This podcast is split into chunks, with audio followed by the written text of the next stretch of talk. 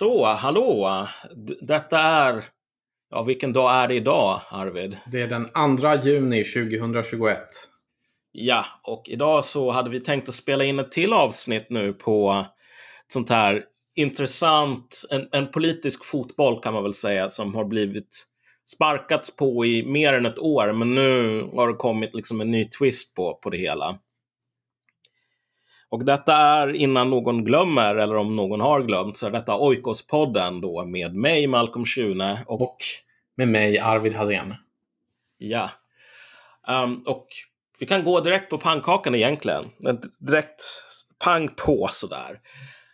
Um, och vad vi hade tänkt att prata om um, är egentligen den här krisen som nu har kommit i den, den tidigare så otroligt idylliska teknokratin. För om, om någon drömmer sig tillbaks till eh, sagolandet 2020 så kommer de nog att komma ihåg att det var en förlovad tid då experter kom ut som egentligen ersättare till politiker. I, i, på medeltiden, så här 1990-talet, då var det så att politiker de, de rådfrågade olika former av experter och sen så fattade de beslut.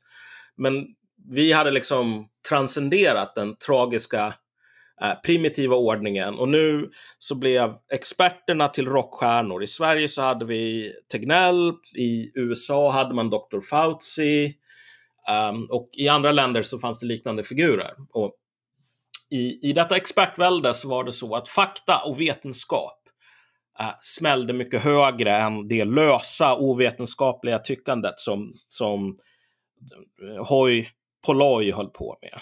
Politiker och så kallade hobbyepidemiologer. Ja. Men nu verkar detta, denna förlovade teknokratiska värld ha stött på patrull.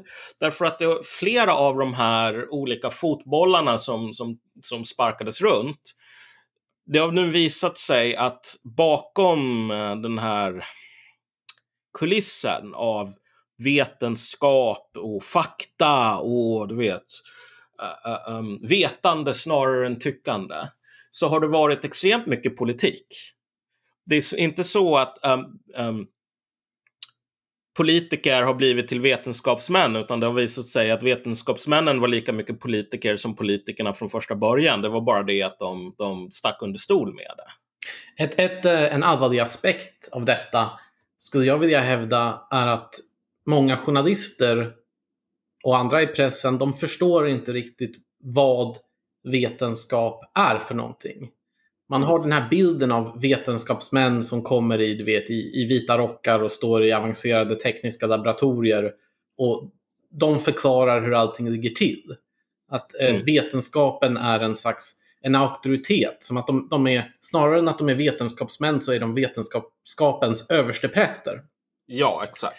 Alltså, eh. Vetenskapen kommunicerar sina, du vet, skickar brinnande buskar eller vad det nu är. Eh, som händer i labbmiljöer. Och sen så tolkar prästerna det här precis som Moses. Och i, i verkligheten så är ju vetenskap något helt annat. Vetenskap är ett förutsättningslöst ifrågasättande av eh, verkligheten. Man, man, frågar sig hur hänger det egentligen ihop? Man genomför experiment. Eh, man, man är oense och man träter och man ifrågasätter och det finns inga automatiska givna sanningar. Och mm. gradvis så, så i ett vetenskapligt samtal så växer det förhoppningsvis fram någon slags konsensus ungefär om hur verkligheten ser ut. Men man ja. är, är, alltid öppen för fräcka ifrågasättanden. Och ofta Exakt. är det just så som vetenskapen sen också går framåt genom så kallade paradigmskiften. Ja, det är en metod snarare än en... Um... Än en auktoritet. Ja, exakt. Och det intressanta här är ju, för vi... Jag, blev, jag fick länkad till mig en artikel i um, en intressant tidskrift kan man väl säga. Som heter Tablet Mag. Och, de, och Tablet Mag är, det är ungefär USAs motsvarighet till judisk tidskrift tror jag. Så det, det är liksom en ganska um, internt fokuserad sådär. Det är mycket, mycket så konst, mycket sport. Så. Men av någon anledning så har Tablet Mag blivit en av de få um, liksom, publikationerna i USA som kan göra väldigt förutsättningslös grävande journalistik och publicera längre texter på så här kontroversiella ämnen utan att riktigt um, vara rädda för konsekvenserna. Och då um, så eh, då ska vi se, jag ska ta, bara ta fram namnet så att folk kan gå ut och kolla på den här artikeln själva uh, i mån av tid. För vi skulle verkligen rekommendera att lyssnare, om de är intresserade av det som vi kommer att prata om, um, går in och kollar, liksom läser den här artikeln um, själva faktiskt. För det, den är ganska lång men den är intressant. Och artikeln heter alltså Hydroxychloroquine, a morality tale. Uh, och hydroxychloroquin är alltså, um, det är den här medicinen som var extremt kontroversiell av den enkla anledningen att Trump gick ut och sa att ja, men du vet, det här funkar mot, mot covid. Um, och poängen med den här artikeln är inte så mycket att säga så här, Trump hade rätt eller Trump hade fel eller medicinen funkar, medicinen funkar inte. Det är inte journalisters jobb att göra det, utan det är ju i slutändan vetenskapsmän. Utan vad den här artikeln, och det hintas ju lite grann om i, i, i namnet, om A Morality Tale, utforskar är just de olika turerna, alltså hur lite av hur vi pratade om den här eh, medicinen då. Hur lite av det som hade någon, någon, basis i vetenskap och hur mycket av det som hade med politik att göra. Um... Jag kan tillägga att den här, den här artikeln, den är alltså publicerad, den är skriven av en amerikansk eh, läkare som heter Norman Deutsch. Och den kom redan i augusti förra året. Så det, det är en ja. artikel som har eh, ett år på nacken. Man säga. Men det var en, en, av de mest lästa artiklarna i Tablet under 2020. Så det var så vi hittade den. Ja, exakt. Och, och poängen här är väl att vi behöver inte gå in allt för mycket på detalj just om hydroxychloroquin. Um, därför att som sagt, den här artikeln är väldigt välskriven och vi kan inte säga någonting i den bättre än vad den själv säger. Men, men för lyssnaren så kan vi i alla fall ge en idé lite grann om de olika turerna. Um, eller vad som, vad som den här medicinen avslöjade. Och under, efter att Trump gick ut och sa att den här medicinen funkade och han var ju inte den första. Han vaknade ju inte upp en dag um, och drog från sin långa erfarenhet av att driva kasinon och bara jag tror att en gammal malariamedicin kommer att agera antiinflammatoriskt här. Utan det, det, det var väl var framförallt snarare så att i den här pandemins ursprungliga fas så var det väldigt många läkare som använde sig av den här medicinen. Och det berodde inte på att man hade genomfört omfattande randomiserade dubbelblinda studier. Mm. För att det gick ju inte att göra i början av den här pandemin.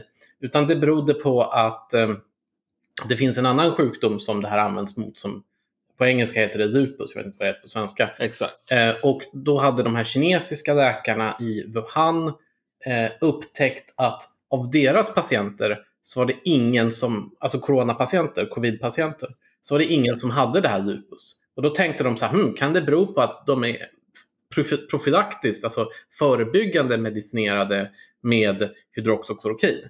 Och att de ja. därför inte har fått det här. Och det är så man får den här idén. Också, ja, exakt. Om ni minns i början av pandemin så var det ju en allmänt eh, desperat stämning. Alltså, vi visste inte hur farligt, hur dödligt viruset var. Vi visste väldigt lite om det, hur det gick att bota. Eh, vaccin sa folk att det kommer som tidigast om 18 månader. Eh, det, det, det, och folk greppade efter varje halmstrå de kunde och då kom den här grejen. Vänta, hydroxychloroquin.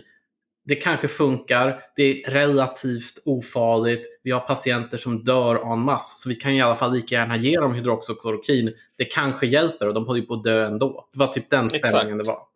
så det, det, här började lite grann i Wuhan och sen så var det ju fler läkare, inklusive en ganska välkänd fransk läkare, um, som vars expertis är att hitta olika sådana här um, hur, hur, säger man, alltså användningsområden för gamla mediciner på liksom nya sjukdomar. Sådär. Därför att det är ju någonting som sker um, tämligen, tämligen ofta. Ibland med goda resultat, ibland med sämre. Så, så för att ta ett exempel. Så här, pubertetsblockerare som folk använder i liksom sin, sin könskorrigerande, eller hur kallar man, det politiska korrekta uttrycket nu är inte könskorrigerande utan könsbekräftande operationer.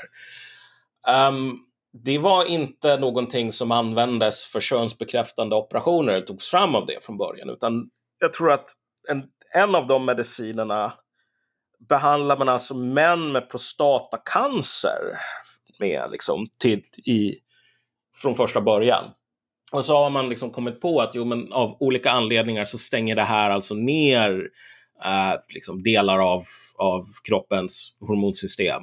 Vilket du också kan använda för att stänga ner delar av kroppens hormonsystem i puberteten. Så, så, att, så att det är inte mm, helt ovanligt. Och, så det skedde en del experimentering med hydroxykloroquin.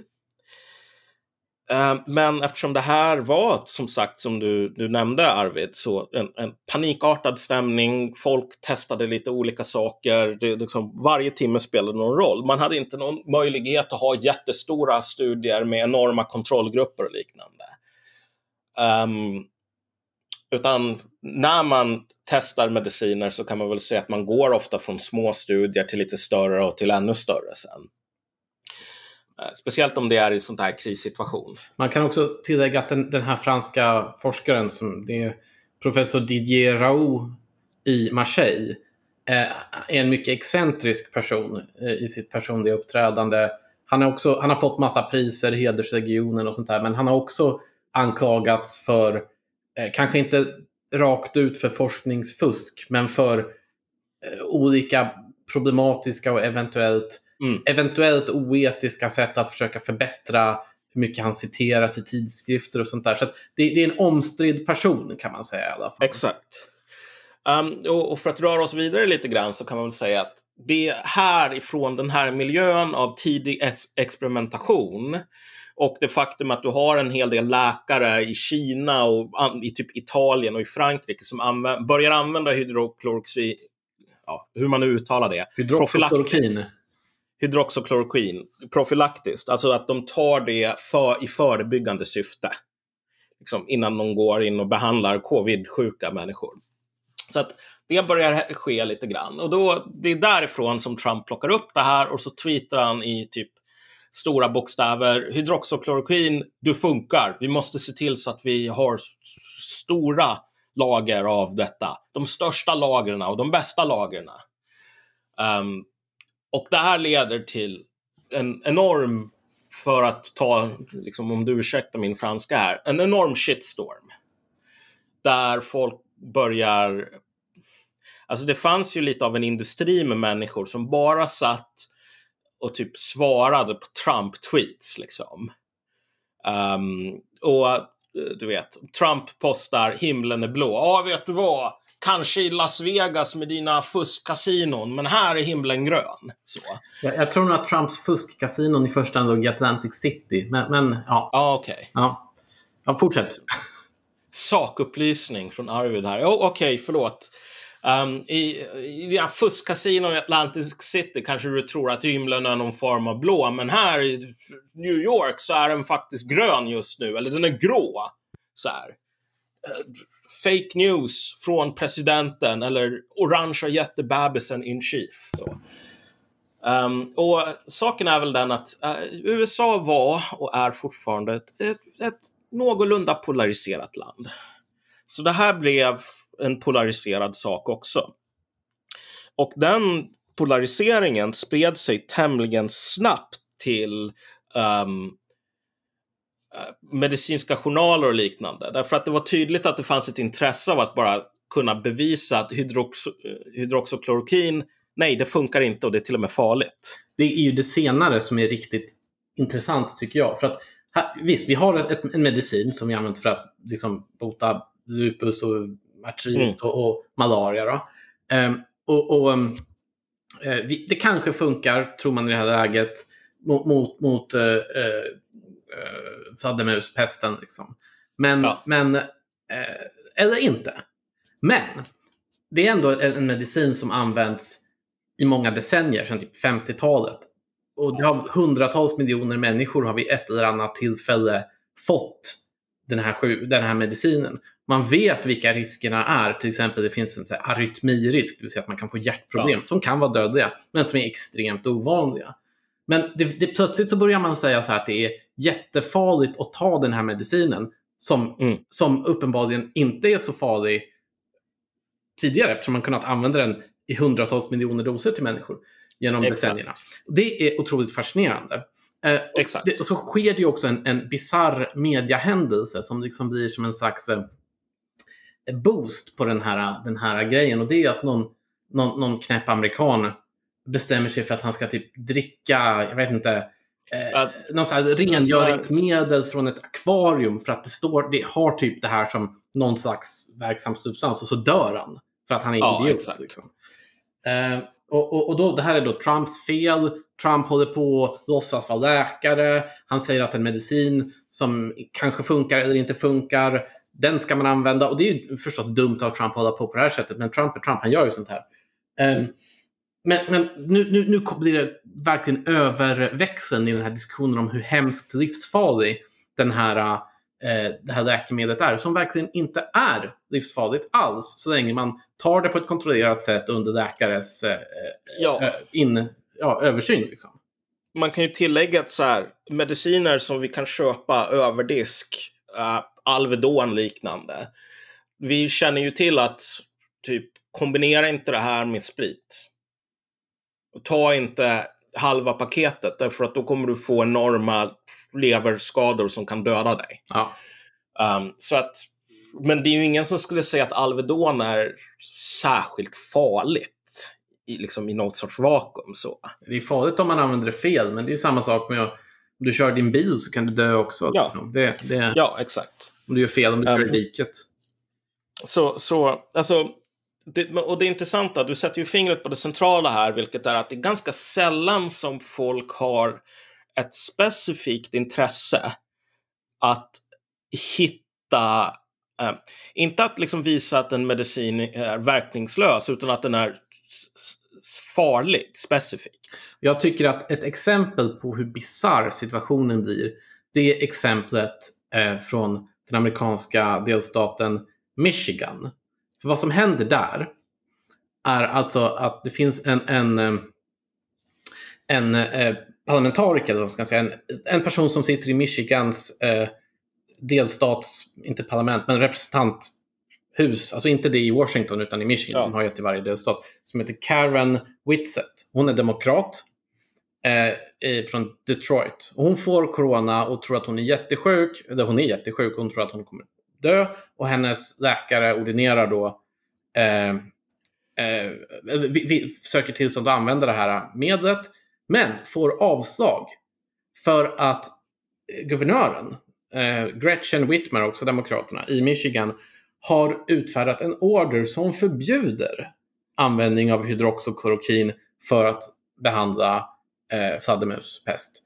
Um, och det här är ju befängt. Här har vi alltså en medicin som kanske funkar eller kanske inte funkar, vi vet inte. Eh, som inte är farlig om den, liksom, inom nämnvärd utsträckning. Om den, om man, den ges på ett korrekt sätt av läkare med hänsyn mm. till de riskfaktorer som finns. Och då är det en politiker. En politiker som vi pratade ju tidigare här om så här, polit, vetenskapsmän blir politiker och politiker blir vetenskapsmän. Ja. Här är plötsligt en politiker som bestämmer sig för att hon vet så mycket om medicin. Att hon ska förbjuda användning av en viss specifik ett visst specifikt läkemedel som används sedan 50-talet. Mm. Och, och, och, och, den stora det här grejen är så dumt. Det är så dumt. Och hon, det är klart att hon inte vet det här, utan det, det är ju att det här blir ju politiserat. Om man tar och använder det här, då tar man på något sätt och legitimerar Donald Trump. Och det är så illa att man måste stoppa användningen av den här medicinen som funkar eller inte funkar. Ja, och, och liksom för att sätta det här i någon sorts sammanhang så kan man väl säga att föreställ er att det kommer någon ny sjukdom och så får folk för sig att jag ska gå till apoteket och så ska jag köpa liksom en rulle Treo. Och så ska jag använda det här.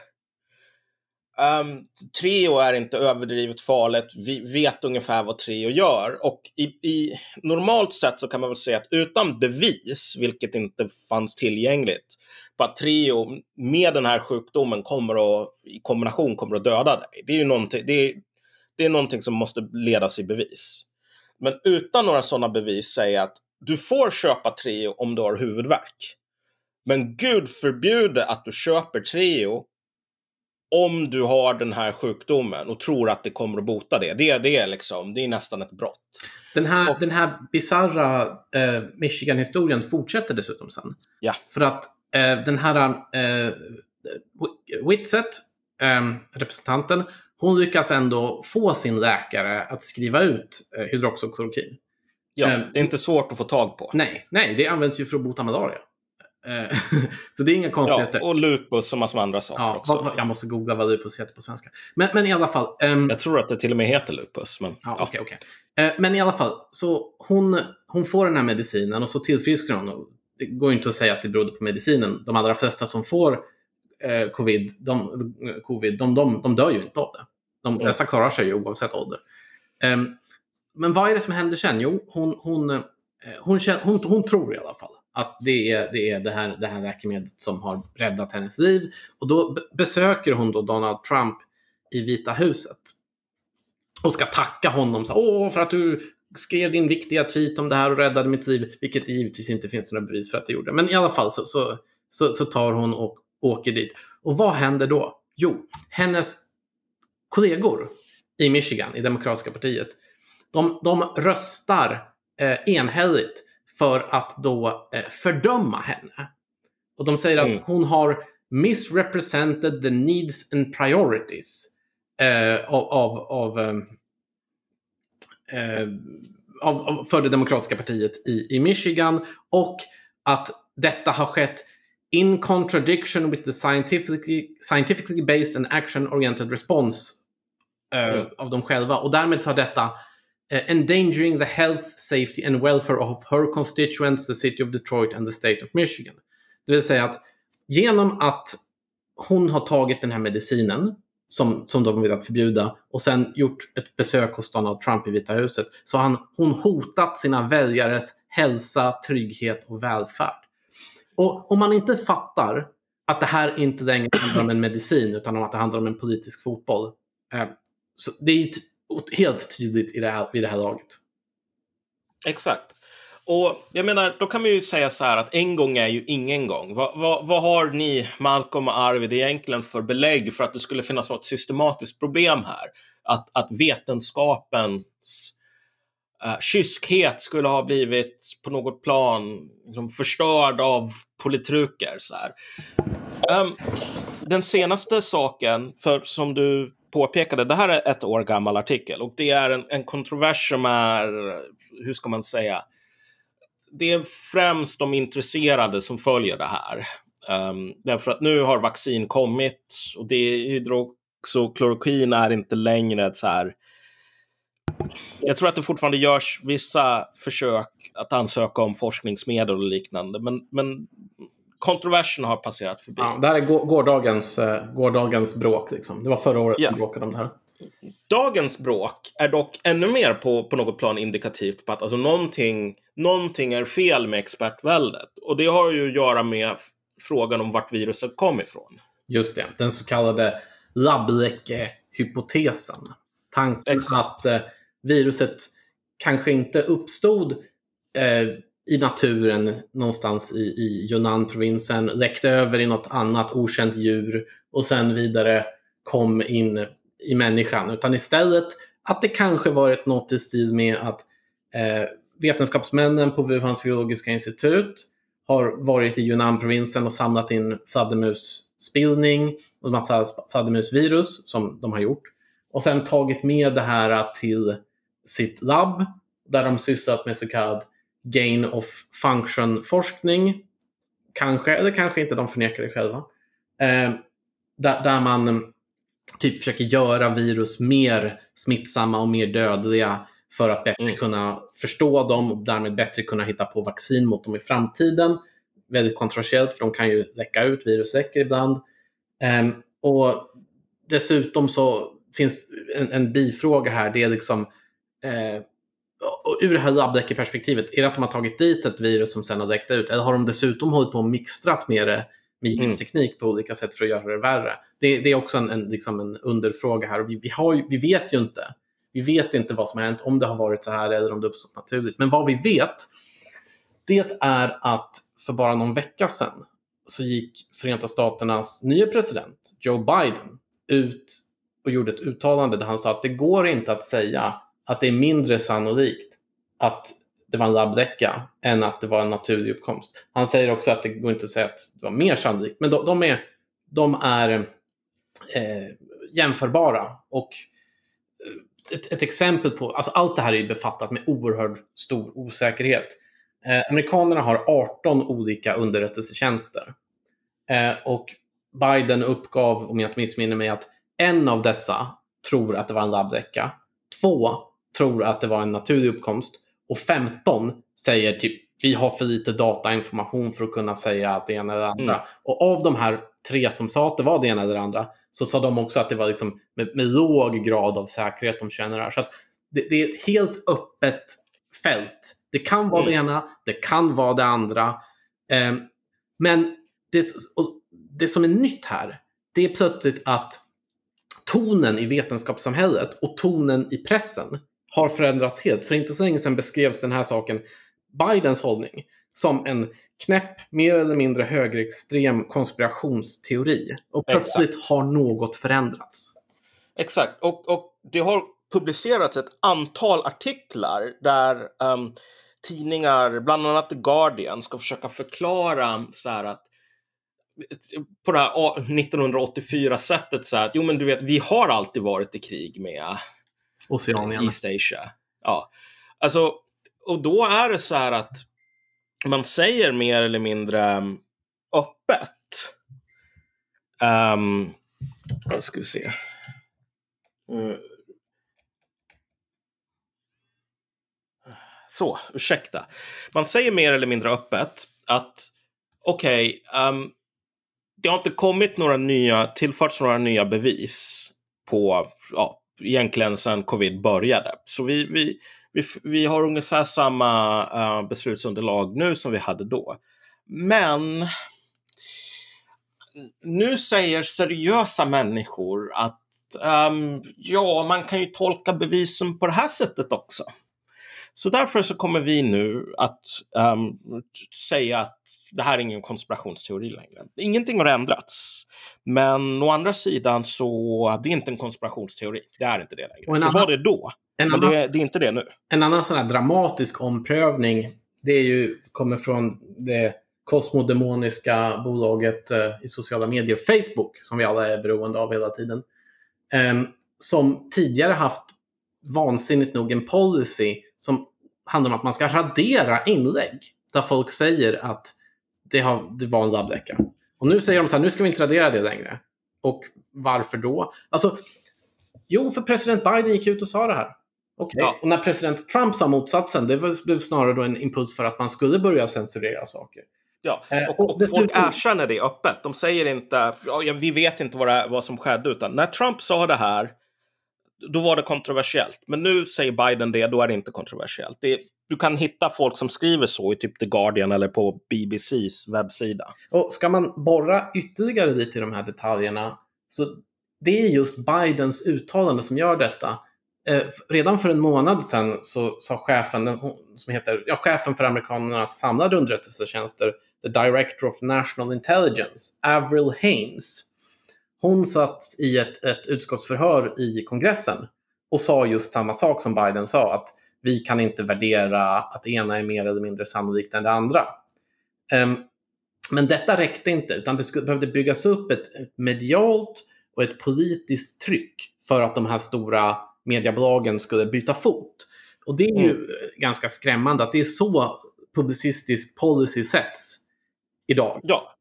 Eh, det är väldigt intressant också om man ska undersöka varför går Biden ut och säger det här nu då? Och, alltså, som han gjorde nu. Vad är det som gjorde att han gjorde det här nu? När underrättelsetjänsterna har väl känt på sig det här ganska länge. Att man inte vet. Eh, det har gått nu 18 månader nästan sedan det här började. Och, ehm, och då var det en artikel nu i förrgår i Financial Times. Den engelska kvalitetstidningen. Ehm, där de försöker förklara då varför, just var, varför sa Biden det här nu? Uh, mm. Och då sa de då att det här beror på flera saker.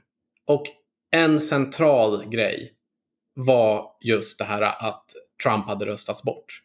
Uh, att kritiker var nu mer öppna att tala om en labbdäcka-teori just för att man blev av med Trump. För man uppfattade ja. att Trump ville beskylla Kina som ett sätt att, att uh, skylla ifrån sig på att han själv hade skött eh, hanteringen av pandemin på ett dåligt sätt. Um, och Dessutom så, så, har ju allt fler, en annan sak som också ska ha bidragit starkt till att eh, Demokraterna och, och, mm, president Biden vågade gå ut och säga det här nu, eh, har att göra med det har inte att göra med den här informationen om att tre, några personer hade visat sig vara sjuka i, innan pandemin på det här virologiska institutet i en liknande sjukdom. För det har man vetat hur länge som helst. Utan ja. det handlade om att plötsligt har ett stort antal profilerade och tunga vetenskapsmän, virologer, gått ut och vågat ifrågasätta den här officiella storyn som sattes i ett brev i Lancet i början av 2020.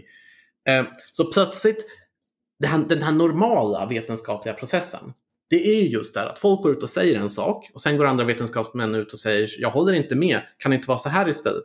Men under nästan ett och ett halvt år, eller i alla fall ett år, så var det som att hela den här normala ifrågasättande vetenskapliga metoden hade stängts ner och ersatts av tystnadskultur och av ja. auktoritetstro inom själva vetenskapssamhället. Och journalisterna ifrågasatte förstås inte.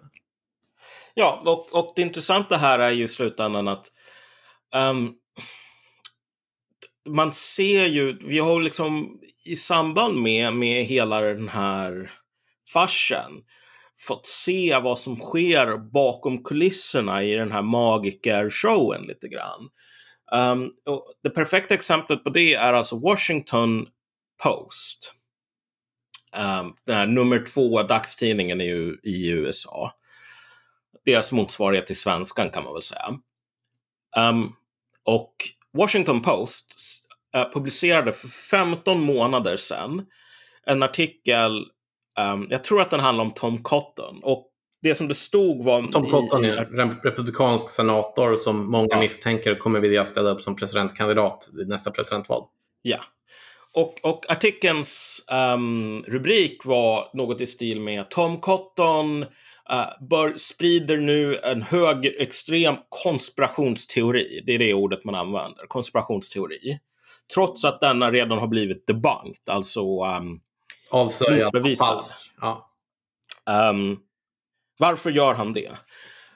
Nu 15 månader senare så har man alltså gått tillbaks och ändrat då um, på artikelns rubrik. Uh, nu har man i alla fall inte gjort det i smyg utan man har lagt till en notis om att artikelns rubrik har blivit ändrad. Uh, till uh, Tom Cotton kommer med uh, en teori trots att vi inte vet 100% säkert. Okej, okay, ja. Men det kan man ju kritisera någon för, att man säger någonting, att typ jag tror en sak, trots att vi inte har hundraprocentiga bevis på någonting. Men, men själva tonen i originalartikeln var så här, vetenskapen har redan bestämt att det här, det är en konspirationsteori, det, det kan inte vara sant. Och det har blivit motbevisat. Och sen i den här notisen om varför man gjorde den här ändringen så skriver man i, i princip så här att Um, nu har ett nytt konsensus kommit fram om bevisvärderingen, eller snarare att vi, inget, ingenting i, vi har inte mer fakta nu än vi hade då. Det har inte kommit fler fakta. Vi vet inte än vad som är sant och vad som är falskt. Men nu så är det ingen annan som säger att det här är en konspirationsteori som vetenskapen har motbevisat. Så därför kan vi inte ha det som artikelrubrik längre. Det finns ingen ansats till att typ undersöka, okej, okay, men hur i hela friden hände det att det i brist på bevis det gick att säga det här har redan blivit motbevisat av vetenskapen, det är inte en grej. Och det är egentligen det här som är den centrala och riktigt intressanta frågan. Jag menar, det, det är egentligen ur ett samhällsperspektiv så är det mindre intressant på ett sätt om ett, ett visst, hur väl ett visst läkemedel fungerar eller till och med en sån sak som var det här viruset ursprungligen kom från. Det är inte oväsentliga frågor. Men för ett samhälle så är det väldigt mycket viktigare att fråga sig vad är det så egentligen som pågår inom medierna och vad är det som pågår inom vetenskapssamhället? Det här känns som att här, här bör man faktiskt bli orolig på riktigt. Riktigt, eftersom vi använder både pressen och vetenskapssamhället för att våra politiker, de som styr våra länder, ska kunna få bra underlag för att de ska kunna hantera samhällsproblem baserat på hur verkligheten någorlunda ser ut.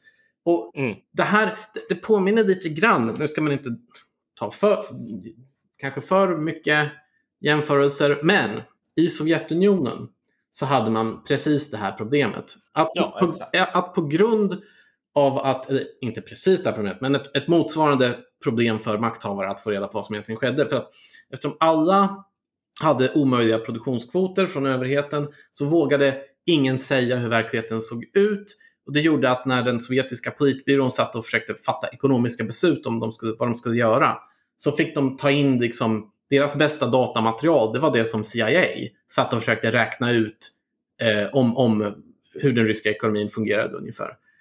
Ja. Det där fattar jag att det, det gick ju inte. Eh, och det är inte exakt samma skeende hos oss givetvis, men det är lite samma principiella problem att när man får en tystnadskultur, oavsett det är ju i sig väldigt problematiskt. Men det gör också att, att samhället fungerar mycket sämre.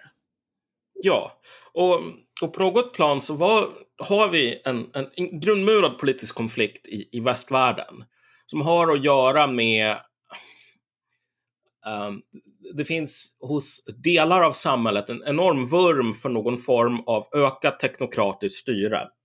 Um, och det här vurmen är inte ny. Um, Timbro eh, översatte ju den här kontroversiella boken Against Democracy som de översatte till Efter demokratin. Um, och det blev ju ett stort hallå om det. Åsa Linderborg skrev att ah, nu, nu visar högern sina sanna färger.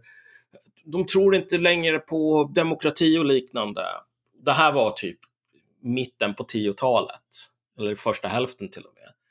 Sen dess så kan man väl säga att stora delar av vänstern i, del, i länder som Tyskland, Storbritannien har bytt sida. De har också kommit ut som demokratikritiska därför att om du låter pöben rösta, då röstar de på Brexit, då röstar de för rasism, att begränsa invandring och ditten och datten sådär.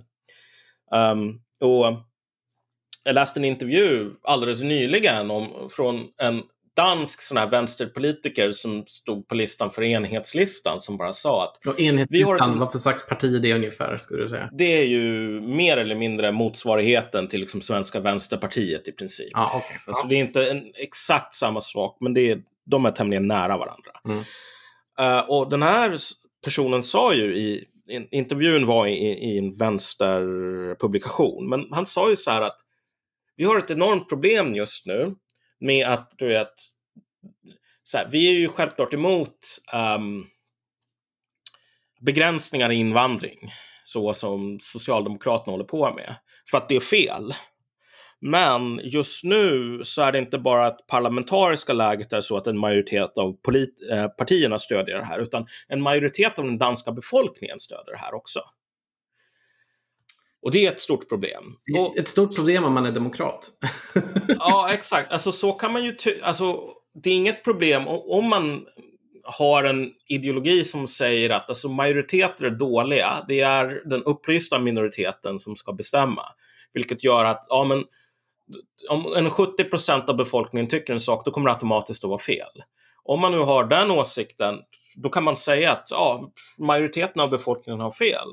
Men det som har hänt är ju nu att vänstern å ena sidan säger vi, vi representerar folkflertalet. Vi representerar 99 procent mot 1 procent. Fast 70 procent av de här 99 procenten, de är dumma i huvudet. Så i västvärlden så har vi den här vurmen, både från delar av högerkanten, de här icke-populisterna, typ Reinfeldt, uh, uh, uh, fellow travelers idag. Um, och stora delar av vänstern som säger att mindre demokrati, mer expertstyre, tack. Är det, är det det som är förklaringen till att vi har sett de här konstiga eh, okaraktäristiska tendenserna, får man väl ändå säga, i vetenskapssamhället och journalistiken, som vars egna ideal handlar om ifrågasättande och öppenhet. Eh, och vi ser motsatsen.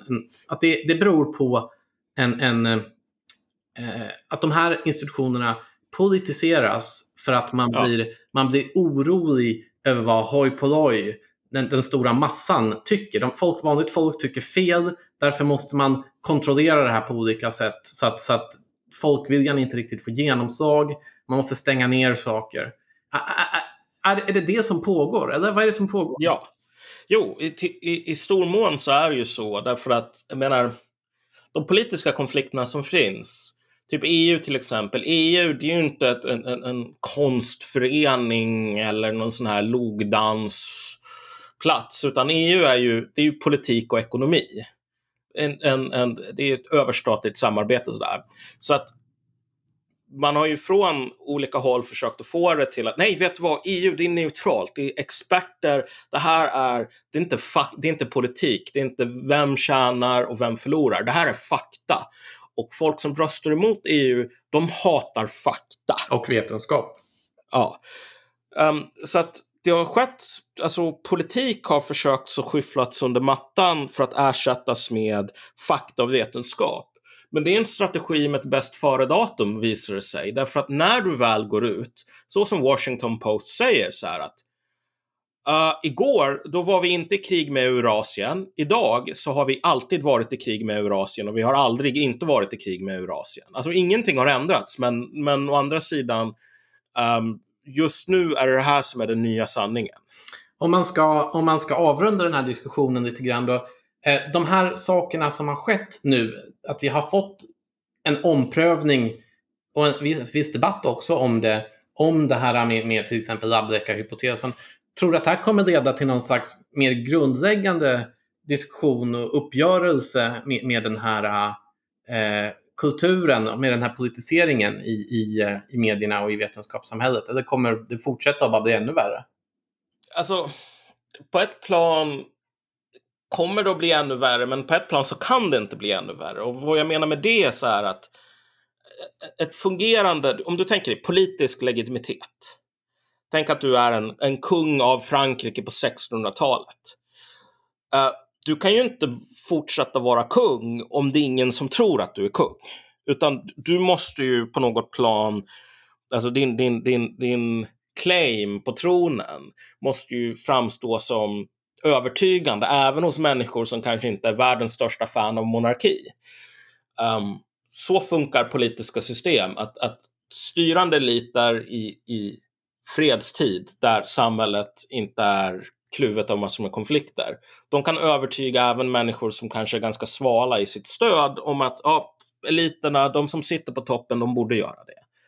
Men vi kommer att få fler sådana här um, fler sådana här exempel där det som dör är inte nödvändigtvis vetenskap med stort V, utan snarare tron på att de här människorna som tar på sig en sån här översteprästroll, att de skulle stå över politiken. Så att det blir, ehm, du vet som den här eh, ehm, jag litar inte på politiker, det är samma skit, alla säger ändå, alla bara ljuger. Okej, okay. men om du får den attityden om, om vetenskapsmän, om att okej, okay, kolla vem det är som har beställt den här studien, kolla vem det är som har beställt denna debunking. Um, alltså då kommer, då kommer polariseringen i samhället att fortsätta. Det är så att de människorna som är typ liberala, progressiva, de kommer att säga, ja ah, vet du vad, jag tror på vetenskap, jag tror på Dr. Fauci. Och de som inte är det, de kommer i, i någon mån att säga så här, alltså, det här är ju, det som du kallar sanning är ju bara en tunn fernissa över typ, vi är det blåa laget och allt som vi tycker det är rätt. Så, så snarare än att de, den här, det här skeendet ska leda till en uppgörelse med den här kulturen så tror du att det kommer bli, det kommer bli fortsatt värre innan det blir bättre? Ja, precis. Och um, vi kanske kan avsluta där så kan vi, kan vi återkomma till varför det har blivit så dåligt i ett framtida avsnitt. Det får vi göra. Tack för att ni har lyssnat. Tack så mycket.